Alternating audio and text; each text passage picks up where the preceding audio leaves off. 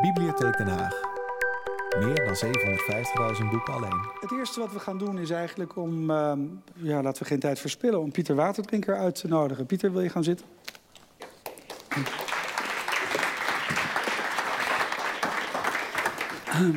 Ik heb net al... De interviewer staat rechts, hè? Ja, de, de interview, nou ja, ik wil ook wel links zitten. De interviewer heeft wel water ingeschonken. Uh, geweldig dat je er bent. Uh, jouw boek Poebel uh, is tastbaar aanwezig in de Nederlandse literatuur, zoals de rest van je oeuvre. Ehm, we kunnen over verschrikkelijk veel beginnen. Uh, over de, de achtergrond van je boek. Dat is een van de, de ergste rampen die Nederland de afgelopen tijd getroffen heeft. Hè? Dus de vliegramp in Oekraïne. Ja. Um, maar we kunnen het ook over een aantal andere dingen hebben. In Moskou, en je woont half in Moskou, half in Petersburg, ben je een bekende Nederlander, hoe gek dat ook klinkt. Hè? Je komt daar regelmatig op televisie ja. uh, als, uh, als journalist. Ehm, hoe anders word je eigenlijk benaderd daar?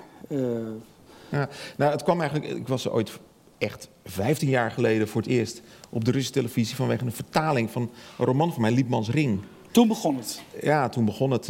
En in Rusland verschijnen ongelooflijk veel boeken natuurlijk. En er was een programma zeg maar, van de toenmalige Russische Adriaan van Dis. En die man had die was genadeloos. Dat, die besprak allerlei boeken en die had een prullenband staan. En als hij dus een, uh, een werk had dat hem niet beviel voor de buis, keilde hij het dan zo maar, in de prullenbak. En dat was echt. En daar zat jij als schrijver bij? Nou ja, ik zag dat programma op tv, maar ah, ik dacht, net als, ja, je hebt honderdduizend schrijvers, dus ik bekeek dat. Totdat ik die vertaling van Liebmans Ring, dat die af was. En op een gegeven moment uh, zeiden ze van, uh, dit is het programma Kravomaan, uh, wilt u volgende week in het programma komen? Toen dacht ik dat het een grapje was, want zo'n groot land. Ja. En met zo'n grote literatuur, dacht je. En te, toen hebben ze me toch uitgenodigd. Mm. Heel mooi item gemaakt met allemaal Dostoevsky-achtige toestanden. En dan zit je als het ware in een soort bestand. Mm. Uh, net als in Nederland, denk ik. En toen ja, werd ik steeds vaker uitgenodigd op de Russische televisie. Maar helaas, ik heb lange tijd alleen maar opgetreden in een, in een programma dat heet Cultuur en Revolutie. De Cultuur en Revolutie. En dat ging altijd over over artistieke thema's, literatuur, uh, de verhouding tussen man en vrouw enzovoort. Maar ja, de toestand is op dit moment zodanig dat, dat je twee dingen kan doen, wat Russische televisie betreft hoor. Of je gaat er niet op, dat je zegt van ja jongens, die staatstv, dat is kotsen, dat is het ook in bepaalde opzichten. Mm. Of misschien in alle opzichten. Daar wil ik niets mee te maken hebben. Of je probeert dan toch nog, ja, als je dan uitnodigt, ik ga bijna negen van de tien keer niet op de uitnodiging in. Maar zoals vorige week was ik uh, vlak na het rapport van de MA17 heb ik toch maar ja gezegd om in een mhm. programma... hoewel ik weet dat je geframed wordt en dat je in een vijandige omgeving bent... maar het thema gaat me te veel aan het hart. En dan denk je van ja, als van die miljoenen Russen dan toch nog een ander geluid horen... want je kan mhm. dan toch wel iets zeggen. Mhm. Ja, nou, dat is dan toch... Uh...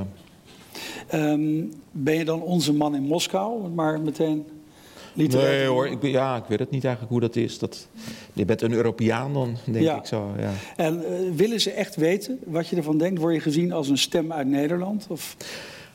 Nou ja, in, vorige week ging het natuurlijk ook. Die Russen zaten enorm en zitten enorm in hun maag met, natuurlijk met dat MH17. Dat hangt als een, als een als zwaard van Damocles natuurlijk boven Rusland en boven het Kremlin. En je weet dat je ook misbruikt wordt. En sommige mensen hier in Nederland zeggen: je laat je misbruiken, dat moet je helemaal niet je laten zien. Ik heb die afweging gemaakt en denk dan toch dat alles wat ik daar op de, de, de tv vertel, omdat het natuurlijk ook. Nou, niet natuurlijk, maar het, het is ook een, een, klein thema van mijn boek Poebel natuurlijk. Mm -hmm. De hele weerdekang naar die ramp toe, het daar, voorspel daar naar... eindigt het mee, hè? Ja, ja, ja dus, ik, wat ik, en, uh, dus nee, ik heb dat wel gedaan. Om de, de, maar ik, ik ben er heel schaars in, om het zo maar te zeggen. Mm -hmm. Hoe wist je dat je die ramp in je boek moest hebben. Ik kan me ook voorstellen dat je denkt, dit is te onbevattelijk, dit is te... Ja, um, omdat um, ik, ik woon al twintig jaar, voor degene die niet twintig jaar in, in Rusland. En mm. ik was eigenlijk voor het eerst in de Sovjet-Unie in 1981. Ja, we onder Brezhnev uh, uh, uh, was ik daar. En ik was eind jaren 80 daar in een heel andere hoedanigheid. Ik ben, woon nu al twintig jaar. Ik heb eigenlijk al mijn boeken, al mijn tien boeken in mm. Rusland geschreven. Mm. Behalve mijn debuut. Dat heb ik hier in Zandvoort geschreven. En de rest in Rusland. Um, en die ram met de MH17 ik wilde er helemaal aanvankelijk helemaal. Of, ik wilde een roman. Ik zat met een roman in mijn idee in mijn hoofd over het Europa van dit moment. Over de tektonische, eh, de, de, de, eh, geopolitieke verschuivingen. Over wat is goed, wat is kwaad, wat moeten we doen. Ehm, het lijkt wel alsof na de val van de, van de Sovjet-Unie in 91, hè, Fukuyama, einde van de geschiedenis.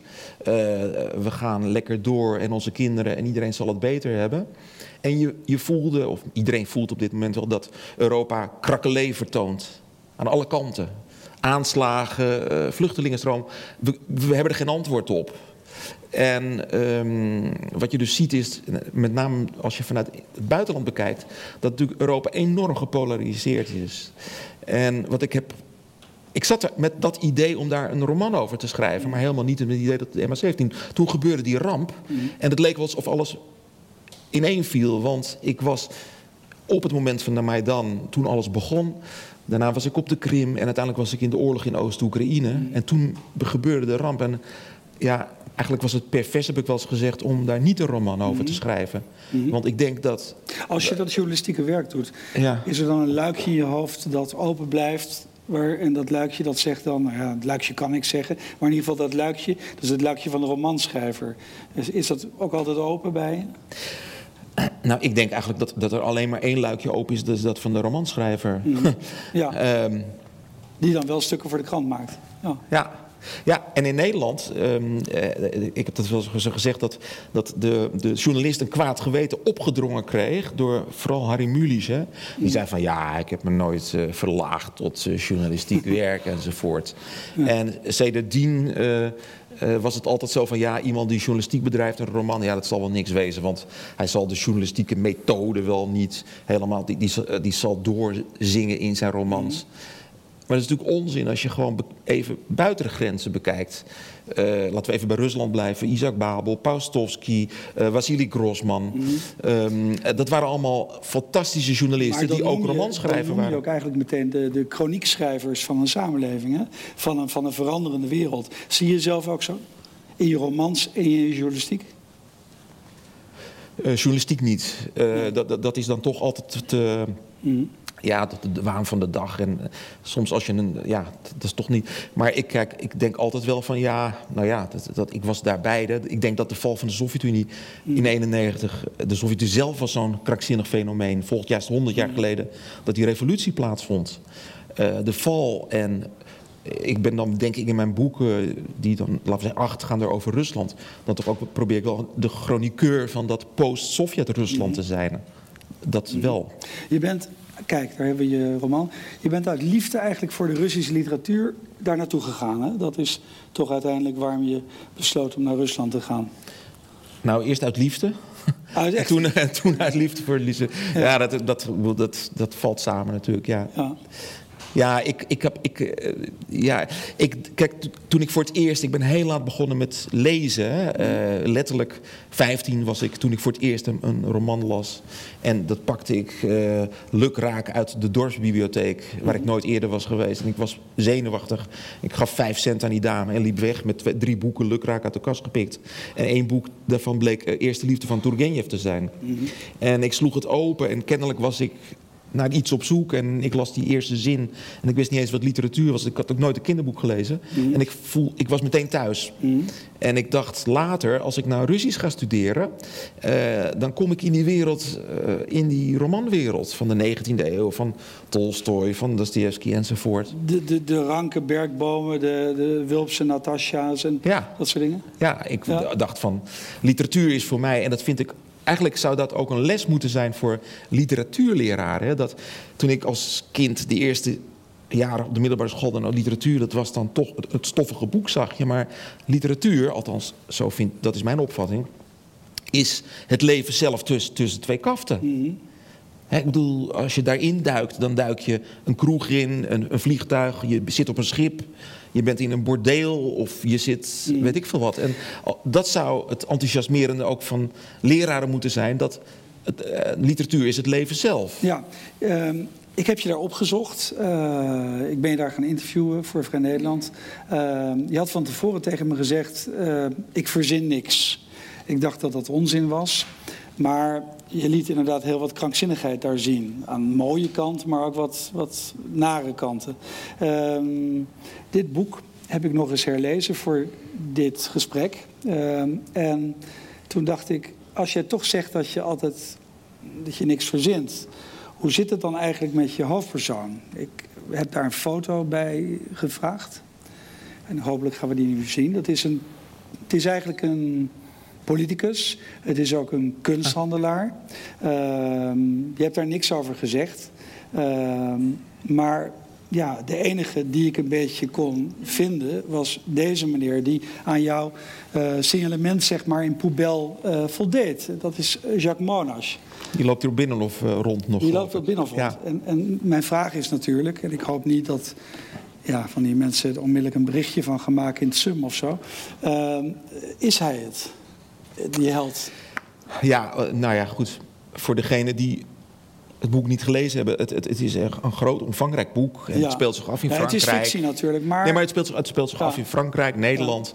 En wat ik heb geprobeerd uh, te doen is eigenlijk de aanloop van de ramp met de MH17 de jaren daarvoor, wat is daar gebeurd? En dat is eigenlijk 15 jaar daarvoor. Want dat komt niet zomaar, die ramp komt niet zomaar, het was een nok door, nokkende door. Maar je hebt het over het begin van de fortuinistische revolte, zoals het heet. Je hebt het over de verschuiving daar, van Yeltsin naar Poetin. Je hebt het ook over een Nederlandse politicus die ja, aan iconensmokkel doet. Hè? Dat, dat is me nogal wat voor een Nederlands politicus, als je aan iconensmokkel Nou ja, dat, dat ga ik zeggen, het, wordt, het is fictie. Uh, wat ik wel kan vertellen is dat uh, op een gegeven moment komt dan in, die, in, de, in de, het boek de, de Maidan-passage voor. we hebben dat allemaal gezien met Verhofstadt en Van Balen. Ja. En sommige mensen dachten van, in België bijvoorbeeld, werd het boek ook daarop bekeken. Van, Is dat uh, een protagonist, is dat een soort afspiegeling van Van Balen? In jouw boek is dat zo iemand die staat van alles te beloven op dat plein... wat hij niet waar kan maken aan die mensen. Dus... Ja, dat was liefde die niks kost. Ja. Nou, ik kan wel vertellen daar, hoe je, je hebt het gevonden, maar uh, ik was uh, in december... Uh, twee jaar geleden, toen de Maidan-opstand begon, zat ik daar als eerste op dat, een van de eerste op dat plein. Het was koud. En Van Balen en Verhofstadt die hebben pas een toespraak gehouden in februari. Maar in december was er op het plein een soort rotonde aan de gang van steeds maar weer toespraken. En toen heb ik dus Jacques Monas daar uh, zien optreden. Mm En ik wist Jacques Monas was eh, vroeger eh, vaak in Rusland geweest, in Oekraïne. Ik wist dat hij ook uh, destijds Europese ambities had. Want de hoofdpersoon van dit boek is, behalve een gemankeerd schrijver, ook een Europarlementariër. Oh, dus je hebt wat van hem geleend. Dus ja, dan, dan pluk je het. Pluk, maar het is niet op één op één natuurlijk. Nee, je hebt hem de omvang van Hans van Balen weer gegeven in je boek. Ja. Nou, ik heb hem in ieder geval mooi zwart haar gegeven en van, ja. van Balen. Ik heb, ik, heb, ik heb er knappe, knappe protagonisten van gemaakt. Okay. En, uh, ja, hij, en Jacques Monas had destijds wel een, een kunstgalerie in uh, sociaal-realistische Sovjetkunst. Mm. Ja, maar ja, goed, dat is... Nou ja, leuk voor de mensen in de zaal. Maar, Connie Palmer doet niks anders. Hè. Die, die haalt ook allemaal levende, of althans met name dode mensen die ooit geleefd hebben. Ja, het mag allemaal. Het mag, hè? Um, maar ik wil toch wel iets weten, want uh, het zegt ook heel wat over jou als schrijver. Als je zegt, ik verzin niks. Ik ja, gebruik, maar ik gebruik, tuurlijk, ik gebruik bizarre elementen uit die krankzinnige Russische samenleving. Die aan de ene kant 19e eeuw is, aan de andere kant zie je in het centrum van Moskou zo'n 30 Bentleys rondrijden. En zie je krankzinnige verschillen tussen arm en rijk. Uh, is deze fictie, deze roman, en je hebt de romans hiervoor, de verhalen hiervoor, is dat jouw antwoord daarop? Ah, dat is een goede vraag. Antwoord. Um, dat ga je me niet aandoen. Hè? Ik heb eenmaal Moeders geïnterviewd en toen stelde ik ook zo'n vraag waarvan hij zei: goede vraag. En daar liet hij het om blijven. Nee, helemaal niet. Ja. ja. Kijk, uh, wat ik altijd. Uh, ik denk dat iedere schrijver dat ook heeft, misschien dat je dat je zo graag, als je bijvoorbeeld alleen in een prachtig landschap rondloopt, of, of je zit in een vliegtuig en een bepaalde wolkenlucht, of je loopt over straat hier in Den Haag vandaag. Mhm. Ik was in het Mauritshuis en het licht viel op een hele, allemaal mooie schilderijen, maar ik keek uit het raam en daar viel het, het strijklicht uh, zo op die bladeren dat dat ongelooflijk mooi was. Ja, dan kan je zeggen, ik, ik verinnerlijk dat en ik, heb daar vrede mee. En, en zo kan je ook ervaringen hebben. En ik vind eigenlijk dat, dat je, denk ik, dat iedere schrijver of kunstenaar, de ene maakt er een schilderij van, je wilt het meedelen. Ik woon zeg maar een kwart eeuw in dat krankzinnige land. Hè? Ik zeg altijd, dat na de val van de Sovjet-Unie is er geen communisme meer. Er is ook geen kapitalisme, het is het surrealisme. De gekte is daar aan de macht. Um, tegelijkertijd uh, denken mensen vaak dat het heel ver weg ligt. Het ligt maar drie uur vliegen verderop. We kijken nu allemaal naar de verkiezingen in Amerika, omdat we de idee hebben, de idee fix, dat ons lot in Amerika wordt bepaald. Mhm. Maar wat we de afgelopen jaren hebben geleerd, met name ook door de MH17-ramp en de oorlog in Oekraïne, en nu En we denken dat ons lot in, hier in Europa, in dit welvarende Europa, ook grotendeels wordt bepaald in, in landen als Rusland, die om de hoek liggen. Maar geestelijk liggen ze niet om de hoek. En dan loop ik daar, althans dan woon ik daar en ik reis daar. En dan heb ik ook zoiets van, ik wil dat oproepen voor mijn lezers om te kijken wat voor wereld er op de, om, de, om de hoek ligt. Dus afgezien van mijn thematiek, die natuurlijk in al mijn romans ook gewoon de klassieke thematiek is van liefde, geen liefde, dood en, eh, en de, de onmogelijke liefde en de, enzovoort, gewoon de, de klassieke thema's, wil ik dat decor gebruiken. Kijk, je hebt heel veel Nederlandse schrijvers die, die klassieke thema's hanteren en het speelt zich af in het decor in België of hier in Den Haag of in Amsterdam. Ehm, waarom zou ik dat decor niet gebruiken? En, en de, het extra is, en dat is misschien een soort messianistische, dat, en misschien ook van dit boek, van jongens, listen, er is een andere werkelijkheid. En dat geldt eh, niet meer omdat dat er een ander politiek systeem is, de Sovjet-tijd, maar er is een andere werkelijkheid waarin honderden miljoenen in dit geval, of eh, tientallen miljoenen mensen leven, met, met een andere blik op de werkelijkheid, met een andere manier van denken, met een andere logica, met een andere verhouding tussen mannen en vrouwen, met een andere kijk op het bestaan as such. Eh, en dat is, nou ja, goed, als je dat is zo verschillend van, van wat wij dan geaccepteerd in het Westen vinden, dat ik dat dan ehm, in die boeken stop. Dan kan je zeggen, ja, dan kan ik ook een Russische schrijver lezen. Maar het, het, het aardige is dat ik op het, op het, op het, het- Kruispunt op het kruispunt zit. Maar oké, als je dat Ja. toch zegt, zou je hier, stel dat je besluit, eh, nou je hebt nog niet, eh, nog lang niet trouwens, de pensioengerechte leeftijd, maar Ik heb ook geen pensioen. oké, maar stel dat Nog je AOW, hè, dat en vergeten misschien mensen ook, via een speciale Als je in regeling het buitenland woont, krijg je geen AOW. dat je via Jacques Moon, als je toch een roze strippenkaart krijgt. Stel dat je hier mag gaan wonen op je 65ste, zou je dan kunnen aarden hier? En in een van je boeken hè, komt, er komen ook mensen voor, daarom vraag ik het natuurlijk, die helemaal niet kunnen aarden. Hè? Een, een- een Nederlandse man, een Russische vrouw, die krijgen het zwaar voor hun kiezen hier. Nou, ik heb wel gezegd, als ik terug ga naar Nederland, ga ik in België wonen. En, en eh, goddank is dat... Mhm. maar is, is eh, België meer het Wilde Oosten? Nee, maar want ik heb ook twee romans geschreven tot mijn debuut, eh, Danslessen en Duitse Bruiloft.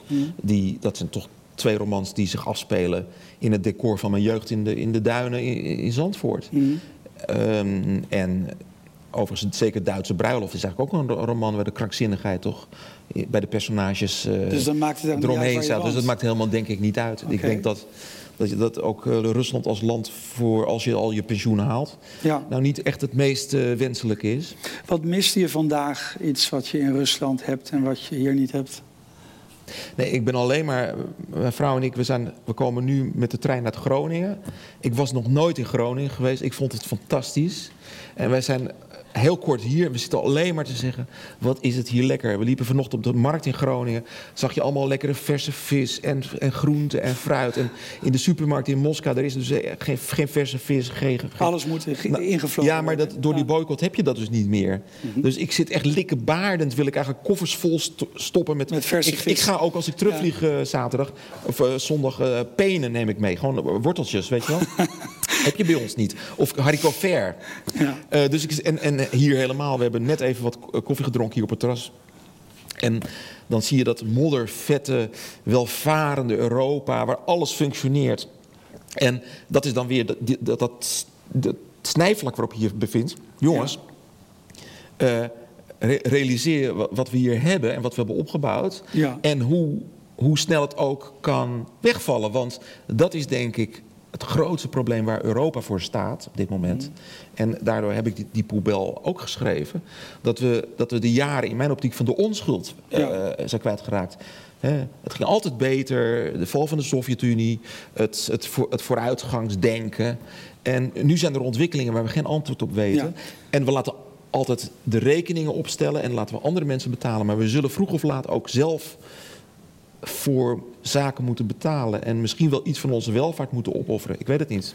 Maar ehm, dat laat onverlet dat wanneer je het eigenlijk hebt over zulke onderwerpen of over de ramp, dat het toch wel met een schaterlach geschreven is. Hè? Dat geldt eigenlijk voor al jouw proza. Het is ja, nou, geschreven, weet grotesk. Uh, nou, geschreven. Uh, zo, zo, lees je het, laat ik dat dan zeggen. Hoe is het dan geschreven? Met, met veel nou, ellende en, ar, ja, ja, steunen en zuchten. Ja, ja. ja, ja. Ik, maar het is, uh, moeilijk hoor. Om, er zit altijd een enorm plezier in, op een bepaalde manier. Ja, ik vind... ik heb ooit ik, een, een Engelse schrijver, een Brits schrijver... die heeft gezegd van... Elk, elke vorm van literatuur moet ook entertainment zijn. Want als je zegt van how can you, en ook self-entertainment een beetje, van how can you entertain your readers if you can't entertain yourself? Hè? Dus ik ben ook niet een schrijver die een, een boek gaat uitzitten denken en het moet daar naartoe. En ik bewonder die mensen in hoge mate die hele schema's op de grond leggen en, enzovoort. Dus bij mij komt het altijd met een gekke neus of een ja, uitspraak. en, en uiteindelijk komt het allemaal, valt het samen. Jouw voorlaatste boek, Lenins Balsem, dat was nou een van de boeken, dat mag ik toch wel zeggen, dat was een van de meest knap geconstrueerde boeken van eh, de afgelopen tijd. Dus dat is dan allemaal, begrijp ik, spontaan gekomen? Ja. Je hebt geen behangrol? Uh, nee, ik zeg altijd, daar ben ik te dom voor. Dat is echt zo. Als ik ga zitten nadenken, dan... Uh, dan uh, appetiet komt bij een essen, zeggen de Duitsers. Kijk, dat lijkt me geweldig om hiermee af te sluiten. Dankjewel. Dankjewel, Jeroen. Okay.